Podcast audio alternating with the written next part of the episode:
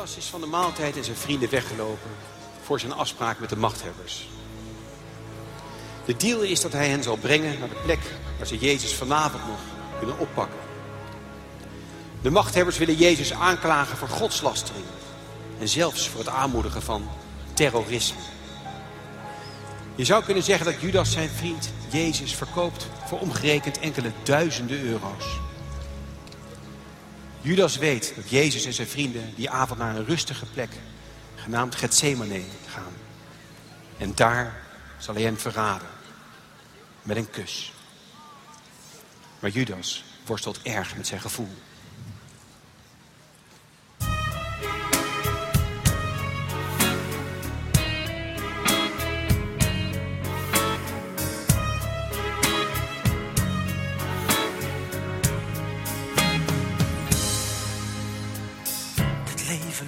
Ver voorover. De mooiste bloem staat aan de rand. Onderkoopt het wassend water. Gooit zich schuimend op het zand. De golven schreeuwen, je moet springen. De lucht is vlammend vurig rood. Ik kan me nauwelijks bedwingen. De verleiding is te groot. Daar ga ik dan. Daar ga ik dan. Ben ik gevallen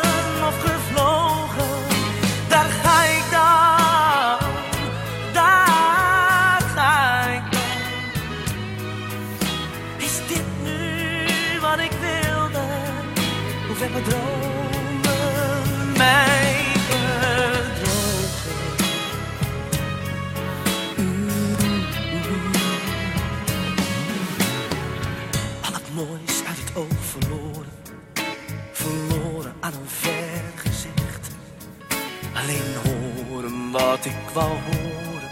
Terwijl de mooiste naast me ligt. De wind zingt koud, ik draag je. De lucht is vlammend vurig rood. De golven schreeuwen, vragen me. De verleiding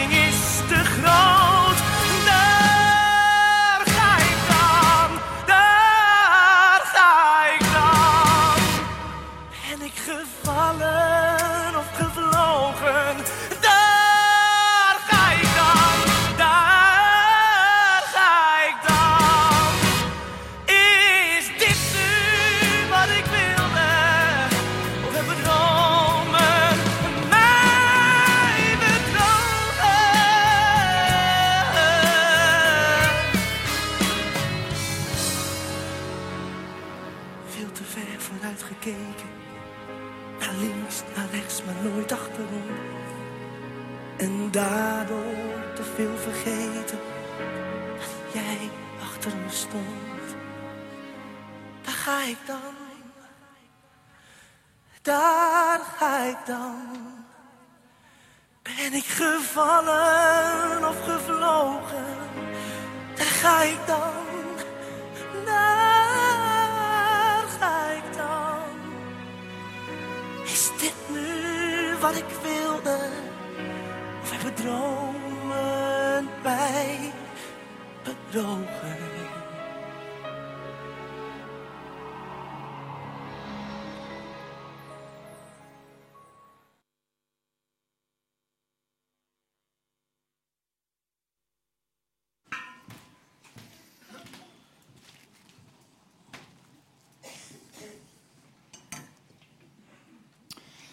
Ja, we zijn alweer bezig met, eh, of toe aan de derde keer van deze zomers, zomerserie Hedde Efkes. En vandaag staan we stil bij dit nummer, Gevallen of Gevlogen. Een nummer wat van origine is geschreven door Guus Meeuwers. En misschien ken je hem ook wel van Guus Meeuwers. En misschien heb je deze uitvoering ook wel gezien. Dit eh, werd gezongen door Jamai en opgenomen in Groningen met Pasen. ehm, rondom het programma The Passion. Waar eh, eigenlijk van allerlei wereldse nummers, nummers met gewone teksten uit het leven gegrepen, eh, het verhaal wordt verteld rondom Pasen. En Jamai hier in de rol van Judas zong dit nummer gevallen of gevlogen. Een lied wat te maken heeft met het maken van keuzes. En keuzes maken doen we allemaal iedere dag. In dit geval een keuze die wordt gemaakt ten koste van een relatie die je hebt. Een nummer wat gaat over verleiding. Een nummer wat gaat over, in dit geval, overspel. Maar ook spijt. Ook terugkijkend naar keuzes die zijn gemaakt waarvoor, waarover je spijt hebt. Vandaar die, dat gedeelte in die tekst die zegt: al het moois uit het oog verloren. Verloren aan een vergezicht, aan iets wat misschien de toekomst mogelijk zou zijn. Alleen horen wat ik wilde horen of wat ik wou horen. Uh, mensen konden zeggen wat ze wilden, maar ik wilde alleen maar horen wat ik wilde horen, wat ik in mijn eigen hoofd had, terwijl het mooiste naast me ligt. bij de Passion werd dit nummer en deze tekst toegepast op het leven van Judas en op de relatie die Judas als een van de twaalf discipelen, leerlingen van Jezus, de relatie die hij had met eh, Jezus en Judas, die ten koste van die relatie eigenlijk ja, zich liet verleiden om Jezus te verraden. En hem over te leveren aan de Joodse religieuze leiders, die uiteindelijk uh, konden doen met hem wat ze wilden. En die heel graag de invloed van Jezus wilden breken. Omdat ze last van hem hadden, omdat, ze de, omdat hij hun in de weg stond in hun religieuze uitingen. En Judas, die Jezus overleverde, die zich liet verleiden om dat te doen, kreeg ook spijt, zoals je dat in de Bijbel ook kan lezen. Daar staat, vroeg in de morgen kwam de hele hoge raad, en dat was zeg maar de geestelijke leiding, maar ook de regering van het Joodse volk, bijeen om te bespreken hoe de Romeinse overheid overgehaald kon worden Jezus ter dood te brengen. Dat wilden ze heel graag. Ze wilden Jezus uit de weg ruimen. Dat mochten ze niet zelf doen, want ze leefden onder Romeinse overheersing. En ze mochten wel mensen straffen, ze mochten ook wel zweepslagen uitdelen. Maar als het ging om de doodstraf, kon alleen de Romeinse overheid dat doen. Vandaar ook dat Jezus niet gestenigd is, wat eigenlijk de Joodse, of de, uh, ja, de Joodse doodstraf is. Maar dat hij gekruisigd is uiteindelijk, wat de Romeinse doodstraf was. Dus zij leverden hem over en probeerden de Romeinse overheid daarin mee te nemen. En dan lezen we, na afloop van de vergadering stuurden ze hem geboeid naar Pilatus, de Romeinse gouverneur. Toen Judas de verrader zag dat Jezus ter dood was veroordeeld, kreeg hij berouw. Hij vond het verschrikkelijk wat hij had gedaan. Meteen ging hij het geld naar de leidende priesters en de andere leden van de Hoge Raad terugbrengen. Het is misdadig wat ik heb gedaan, schreeuwde hij. Ik heb onschuldig bloed verraden. Dat gaat ons niet aan, antwoordden ze. Dat is uw eigen zaak. Judas gooide het geld over de vloer van de tempel en ging naar buiten. Even later hing hij zich op. Zoveel impact, zoveel spijt had hij van datgene wat hij had gedaan, dat er voor hem geen enkel perspectief meer was en zichzelf van het leven beroofd. En misschien was het in eerste instantie het geld waar hij, waar hij Jezus voor verraadde, wat, waarvan hij dacht of hoopte misschien gelukkig te worden, of dat, dat dat misschien wel iets in beweging zou zetten. Het is niet precies bekend wat zijn motieven waren, maar wat het ook is geweest, hij liet zich tot deze daad verleiden in de hoop er gelukkig van te worden. In de hoop dat daar iets uit zou ontstaan voor zichzelf, wat ten positieve was, wat het dan ook was. En op grond daarvan nemen wij ook besluiten. Als het goed is, zouden wij dat ook kunnen herkennen, want we nemen allemaal iedere dag heel vaak besluiten. Soms kleine dingen, soms grote dingen. Maar we nemen nooit een besluit in de hoop daar ongelukkig van te worden. Nooit. We nemen altijd besluiten in de hoop dat het ons iets positiefs brengt. Dat we er gelukkig van worden. Toch denk ik dat we allemaal wel beslissingen in ons leven hebben genomen. die we graag terug hadden willen draaien. Die we terug zouden willen draaien. Omdat het allemaal anders uitpakte dan dat we hadden gehoopt. Of we niet bedacht waren op daar waar we mee bezig waren. Of we misschien wel gewaarschuwd werden, maar geen oor hadden voor wat anderen zeiden. Soms zou je wel dit of dat willen terugdraaien wat je zelf hebt besloten, als het maar mogelijk was.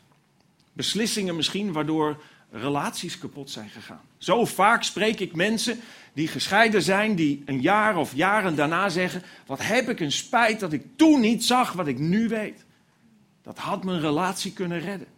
Het huwelijk had niet stuk hoeven lopen. Ik heb spijt als haren op mijn hoofd. Of andere relaties. Of beslissingen waarbij je anderen pijn hebt gedaan. Misschien wel je kinderen toen ze nog jong waren. Beslissingen waardoor je misschien veel geld hebt verloren. Of verslaafd bent geraakt. Of een strafblad hebt gekregen. Of mensen niet meer onder ogen durft te komen. Er zijn veel dingen die we besluiten en een heel aantal daarvan, daar worden we niet gelukkig van. We zouden graag willen dat we dat terug konden draaien. In de tekst van het lied lezen we: Het leven leunt te ver voorover. Oftewel, we nemen onverantwoorde risico's. Het leven leunt te ver voorover. De mooiste bloem staat aan de rand. Aan de rand van de afgrond, dan wel te verstaan. Onderkolkt het wassend water, gooit zich schuimend op het zand. De golven schreeuwen, je moet springen. De lucht is vlammend, vurig rood. Ik kan me nauwelijks bedwingen. De verleiding is te groot. De cultuur waarin wij leven dringt ons eigenlijk altijd om te gaan tot de rand van de afgrond. Eigenlijk zo ver te gaan dat het eigenlijk niet verantwoord meer is en, en dat we op ieder moment het risico lopen over de rand te gaan. Hoeveel kan ik maximaal lenen om een huis te kopen? Daarmee zeggen we eigenlijk, als ik dat leen en er hoeft maar dit te gebeuren en ik ben in grote problemen, zoals we nu rondom de crisis en dergelijke ook zien. Dat mensen in grote problemen zijn. Waarom? Omdat we tot aan het randje gaan wat mogelijk is en niet in de laatste plaats gestimuleerd door de maatschappij waarin we leven. Hoeveel kan ik maximaal drinken, zodat het nog wel leuk is? Hoe ver kan ik maximaal gaan op gebied van seksualiteit als ik nog jong ben? Hoe, hoe ver kan ik maximaal gaan met flirten? Om te kijken of ik nog in de markt lig terwijl ik al een relatie heb of misschien wel getrouwd ben. Nogmaals, de cultuur waarin wij leven dringt ons altijd naar de rand van de afgrond. En vervolgens word je veroordeeld door de hele maatschappij waarin we leven als je over die rand gaat. Als je huwelijk verkeerd gaat, als je er financieel een zoortje van maakt, als je dit of als je dat doet.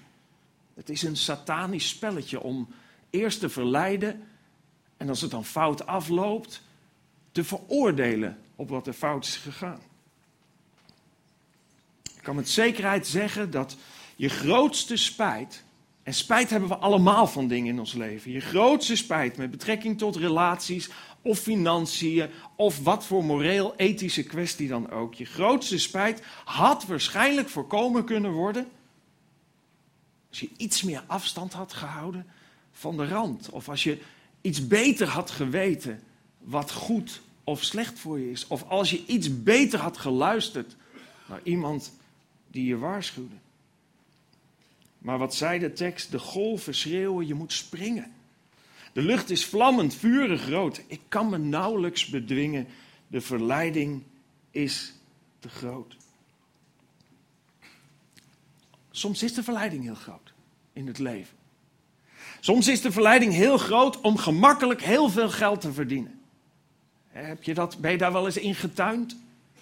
die prachtige advertenties of prachtige aanbiedingen die er zijn. Of, of daar moet je maar een beetje in investeren om, om zoveel terug te krijgen. Ik kan zeggen, als, als het heel makkelijk gaat, als dat het aanbod is, dan moeten alle alarmbellen gaan rinkelen. En toch en toch tuinen we erin, want de verleiding is zo groot. We willen zo graag dat de dingen makkelijk zijn.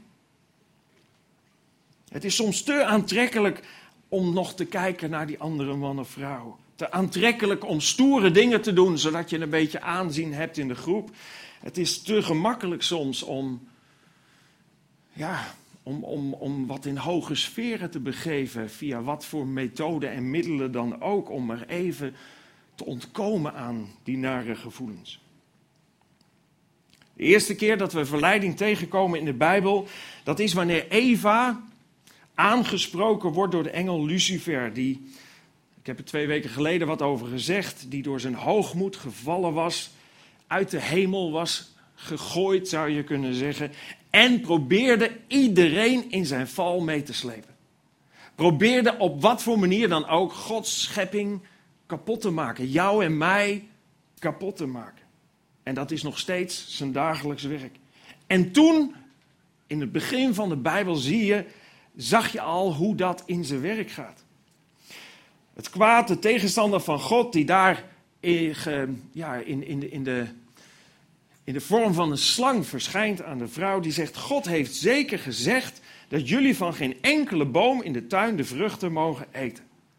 Nou, hij wist heel goed dat God dat niet gezegd had, maar hij probeerde met de vrouw in gesprek te komen en juist door leugen en bedrog haar te verleiden. En haar reactie was: We mogen van alle bomen in de tuin eten, behalve van de boom in het midden van de tuin. God heeft gezegd dat we die boom zelfs niet mogen aanraken, anders zouden we sterven. Waarop de Satan nog een stapje verder gaat en zegt: Sterven? Je zult helemaal niet sterven. Integendeel. Integendeel. God weet dat jullie de ogen open zullen gaan zodra je ervan eet. Dan zul je aan Hem gelijk zijn en inzicht hebben in goed en kwaad. De leugen die gaat verder en de bloem op de rand wordt aantrekkelijker en aantrekkelijker. En, en, en hier op deze manier en in ons leven op van allerlei andere manieren worden we met leugen en bedrog verleid. Stemmetje in onszelf, de mooie folders, wat dan ook. Het leven, stond er in de tekst, leunt te ver voorover, de mooiste bloem staat aan de rand. En dat zien we ook in dit verhaal, als we verder lezen. De vrouw zag dat er heerlijke vruchten aan de bomen hingen. Prachtige bloemen op de rand stonden. Ze zagen er aanlokkelijk en veelbelovend uit. Door ervan te eten zou je verstandig kunnen worden je zou kunnen zeggen op zo'n moment: mens denkt na. Natuurlijk werkt dat niet, natuurlijk is dat niet waar. Maar ook wij ervaren dat de verleiding soms sterk is. En dat we erin geloven, omdat we erin willen geloven, omdat soms de dingen zo ingewikkeld en moeilijk zijn en we willen zo graag dat ze makkelijk zijn. En hier zien we ook de vrouw, hadden we net gelezen, die zag dat ze aanlokkelijk waren en dat ze het veelbelovend uitzag. Zoals het in de tekst geschreven stond, de golven schreeuwen, je moet springen. De lucht is vlammend vurig rood. Ik kan me nauwelijks bedwingen. De verleiding is te groot. dan gaat de tekst verder. De vrouw zag dat er heerlijke vruchten aan de boom hingen. Ze zagen er aanlokkelijk en veelbelovend uit. Dat lazen we net. Door ervan te eten zou je verstandig kunnen worden. En dan gaat het verder. Daarom plukten ze wat vruchten van de boom en zei: Daar ga ik dan. Daar ga ik dan. Nee, het staat niet zo in de Bijbel. Maar dat is wel eigenlijk precies wat dat lied wat we net hoorden zegt. En wat er gebeurde. Ze liet zich verleiden en dacht: Daar ga ik. Wat er werkelijk staat is, daarom plukte ze wat vruchten van de boom en at ervan. Ook gaf ze wat aan haar man en hij at er eveneens van. Hij had zich net zo goed laten verleiden. En toen hadden ze samen kunnen zingen, datgene wat we net hoorden. Ben ik gevallen of gevlogen? Wat heb ik gedaan? heb ik iets gedaan wat, wat positief voor me gaat uitwerken? Vlieg ik boven alle ellende uit? Of heb ik iets gedaan wat me eigenlijk nog veel verder wegbrengt? Ben ik gevallen of gevlogen? Is dit nu wat ik wilde? Of hebben dromen mij bedrogen? En het laatste bleek in dit geval waar te zijn. En wat waren de gevolgen? Die waren dramatisch. We lezen iets verderop in datzelfde Bijbelboek Genesis. God verdreef de mens uit de Hof van Eden, uit zijn aanwezigheid. Er gebeurde iets verschrikkelijks in hun leven. En plaatste een engel met een vlammend zwaard ten oosten van de hof om de toegang tot de boom van het leven te bewaken. Ze hadden, kregen geen toegang meer tot het leven. Er kwam een scheiding tussen God en de mens. En toen kwam spijt. Al het moois uit het oog verloren. Verloren aan een, aan een vergezicht, aan iets wat in de toekomst is beloofd, maar wat helemaal niet kwam. Alleen horen wat ik wou horen terwijl het mooiste naast me ligt. Veel te ver vooruitgekeken. Naar links, naar rechts, maar nooit achterom. En daardoor totaal vergeten dat jij achter me stond. De relatie waarover dit lied spreekt is kapot. De relatie waarover de Bijbel spreekt met Adam en Eva is kapot. De toegang tot het leven is verbroken. De mens is door de zonde vervallen tot een stervende gestorvene. Aan de ene kant een sterveling, zoals we dat allemaal zijn. We weten dat we eens zullen sterven.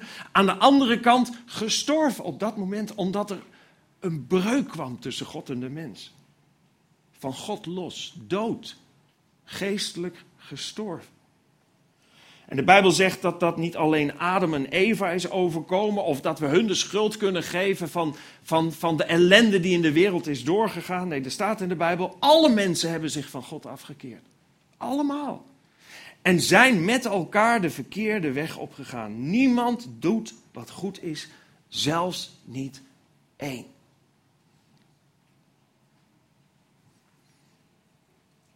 Alle mensen zijn gevallen voor de charmes van het kwaad. En allemaal ervaren we daar de gevolgen van. En misschien zit je hier, misschien ben je door iemand uitgenodigd, misschien kampeer je in de buurt en kom je normaal helemaal niet in een kerk, ben je niet gelovig, niet met de Bijbel bezig. Dan zou je vandaag mogelijk een antwoord kunnen vinden of antwoorden kunnen vinden op vragen die je dan zeker hebt. niet altijd, niet ieder moment, maar vragen die zeker aan je voorbij komen. Bijvoorbeeld, waarom is het die leegte die ik soms ervaar in mijn leven? Ach, is niet iedere dag, niet als alles goed gaat. Nee, dat is op momenten dat het lastig is. Je geconfronteerd wordt met ziekte of met dood, maar soms ook met gebeurtenissen waar je belangrijke besluiten moet nemen. Soms zomaar als je in je bed ligt. Waarom is er die leegte die ik soms ervaar in mijn leven? Waarom is er soms die eenzaamheid terwijl er zoveel mensen om me heen zijn? Waarom is het die drang die ik voel om steeds op zoek te gaan naar geluk? En hoe komt het dat ik steeds weer ervaar dat de houdbaarheidsdatum van geluk zo kort is? En dat ik dan weer op zoek moet en weer op zoek moet. Waarom die onzekerheid die ik heb over de zin van het leven? Waarom ontbreekt er toch hoop in mijn leven op, op dingen die veel verder gaan? En waar komen die gedachten vandaan dat er misschien toch meer is tussen hemel en aarde? Elk van die gedachten, van die gevoelens, vinden ze oorsprong in God of liever in de verbroken relatie die er is tussen God en de mens. Die ontstaat door de zonde, zoals we dat in de Bijbel kunnen lezen. Misschien heb je helemaal geen spijt misschien wel van dingen die je hebt gedaan in je leven. Denk dat we allemaal dingen hebben gedaan in ons leven waar we spijt van hebben. Soms hele grote dingen waar nu nog de consequenties van zijn. Maar misschien voel je helemaal geen spijt ten opzichte van God, omdat je je nooit hebt gerealiseerd dat God bestaat en dat Hij echt van je houdt. Dat Hij je gemaakt heeft en dat, dat Hij zo graag wil dat je leeft binnen Zijn kaders van, van liefde.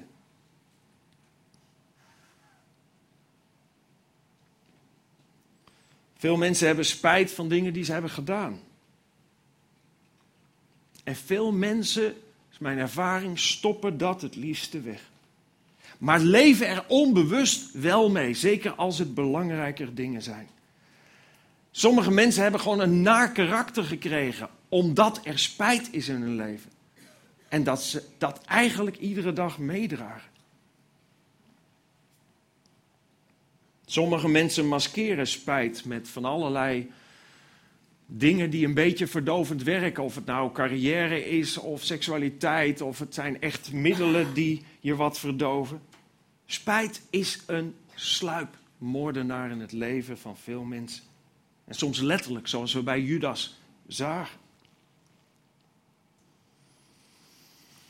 Zo'n 2000 jaar geleden werd er een groepje schaapherders opgeschrikt door een onverklaarbaar licht in de nacht. Het was een engel en die zei het volgende. Hij zei: Wees niet bang. Want ik breng u het mooiste nieuws dat u ooit hebt gehoord. En ik moet je zeggen dat deze oude tekst van 2000 jaar geleden, die de engel doorgaf aan die herders, nog steeds geldt voor iedereen die stoeit met spijt, die stoeit met de gebrokenheid tussen God en jou als mens. Voor iedereen is het nog steeds iedere dag het mooiste nieuws dat je ooit hebt gehoord.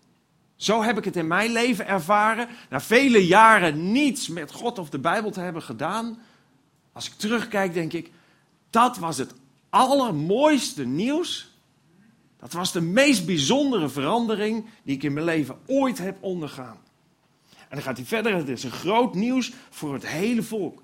Vandaag is in Bethlehem de redder geboren, Christus de Heer. En ik denk dat, dat, dat ze nog, nog helemaal niet precies begrepen wat de impact was van die mededeling. En natuurlijk, we kennen het kerstverhaal. Ze zijn naar de stal gegaan, ze hebben het babytje Jezus gevonden. Maar ze zullen gedurende lange tijd geen notie hebben gehad van hoe groot de impact. Zo groot dat we nu, 2000 jaar later, er nog over spreken. Als het mooiste nieuws dat je ooit hebt gehoord. Waarom was dat zo geweldig? Omdat Jezus een keer kwam brengen in de uitzichtloze situatie van het leven van de mens. Jezus kwam om met zijn eigen leven de prijs te betalen van de fouten die we maken. Fouten ten opzichte van God rechtstreeks, fouten van mensen ten opzichte van mensen om ons heen. Met zijn eigen leven betaalde hij de prijs van onze zonde. En dat niet voor gewetenloze mensen die nergens spijt van hebben, maar voor mensen die spijt hebben van hun misstappen.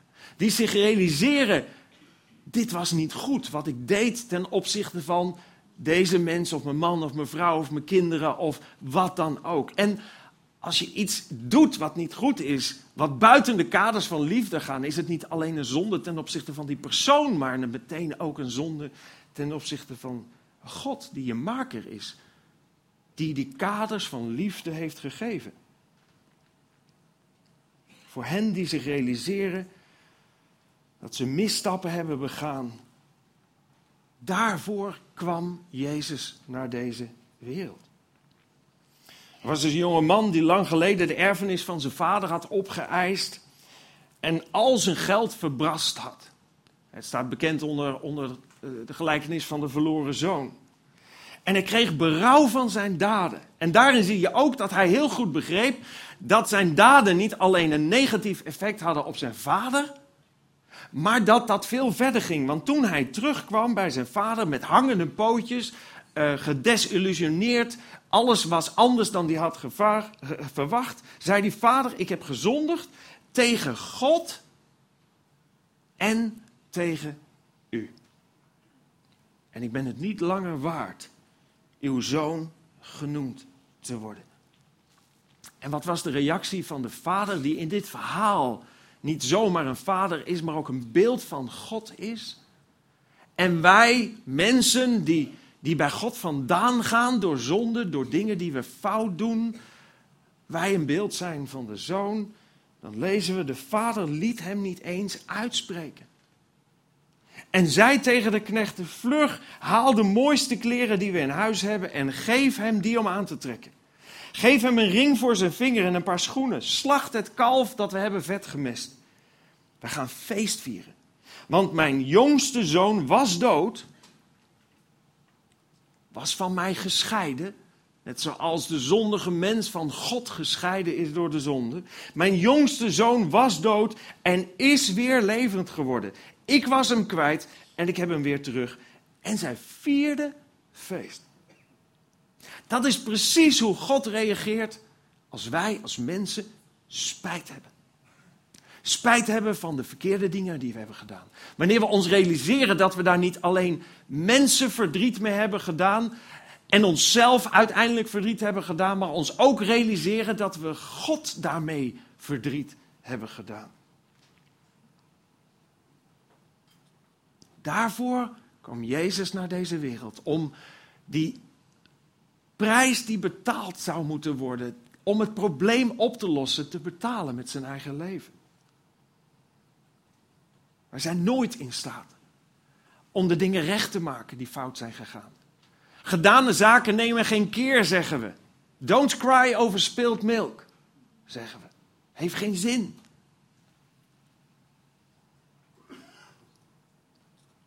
Jezus, zo lezen we in 1 Timotheus, heeft zich zelf gegeven als losprijs voor alle mensen. Op de vastgestelde tijd heeft hij getuigenis afgelegd van Gods wil om de mens te redden. God die naar deze wereld keek en zei maar, ik kan wel tegen jullie allemaal zeggen, je hebt een vrije wil, je hebt het zelf gekozen, zoek het lekker uit. Nee, ik hou van je. Het doet me pijn dat je spijt hebt. Het doet me pijn dat je met die last loopt. Het doet me pijn dat de relatie tussen jou en mij kapot is gegaan. En hij stuurde zijn zoon, de Heer Jezus Christus, die met zijn leven de prijs betaalde voor onze zonde. Die al je zonden en al je fouten en al je spijt en het heel, al het juk, het hele juk dat je draagt, van je af wil nemen. En daarom nodigt Jezus ons ook allemaal uit. Als hij zegt, kom naar mij. Zei Jezus toen hij op aarde was. Kom naar mij. Jullie die vermoeid, en, vermoeid zijn en onder lasten gebukt gaan. Kom naar mij.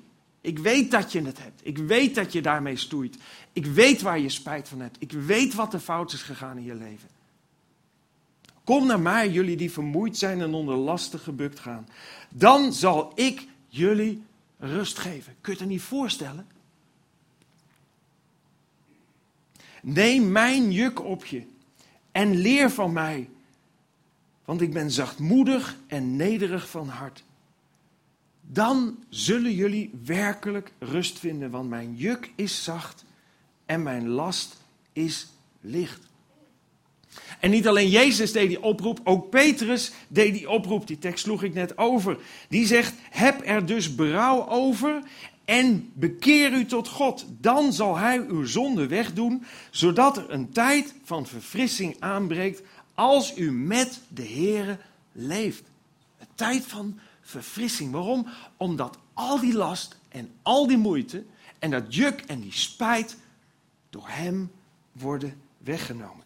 En Jezus zei in de laatste tekst: Neem mijn juk op je en leer van mij. En wat wilde je leren?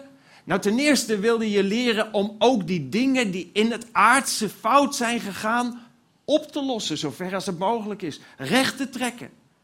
Je de kracht te geven om aan iemand vergeving te vragen. Toen hij Matthäus de tollenaar bij zich riep en die hem volgde, toen lazen we van de tollenaar dat die mensen het meervoudige terugbetaalden van wat hij ze had afgezet. Dus dat wil Jezus ons ook leren. Om dingen ook hier en nu recht te trekken, te herstellen, zodat het niet langer als een last bij je blijft. Zodat je mensen onder ogen komt. De Bijbel staat, houd vrede met een ieder zover het van u afhangt. Je kunt niet alles oplossen. Je kunt wel de inspanning doen. Dat is wat Jezus je wil leren. En het tweede wat hij je wil leren, is om niet meer in situaties te komen waar je spijt van krijgt. Daarom zijn die kaders die God geeft in zijn woord ook zo belangrijk. Die kaders zijn niet om je te beperken in bewegingsvrijheid. Nee, die kaders zijn omdat God van je houdt. God geeft ons zoveel mogelijk vrijheid. Maar binnen zijn veilige kaders. Zodat spijt steeds minder onderdeel hoeft te zijn van je leven. En je kunt leven binnen zijn kaders van liefde zullen bidden en danken. Dank u wel, Heere God, dat u zoveel van ons houdt.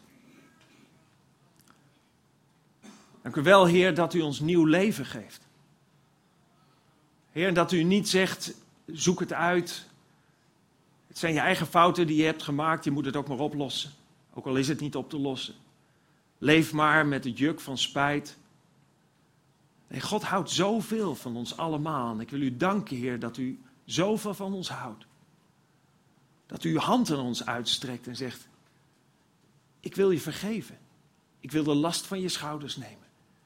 Ik wil de prijs van je zonde betalen. En ik wil je in de vrijheid stellen. Zodat er tijden van verademing en verfrissing mogen komen. Zodat je perspectief krijgt in je leven. Rommel kunt opruimen. En in vrede kunt leven met mensen en met God. Dank u wel, Heere God, dat u ons dat geven wilt.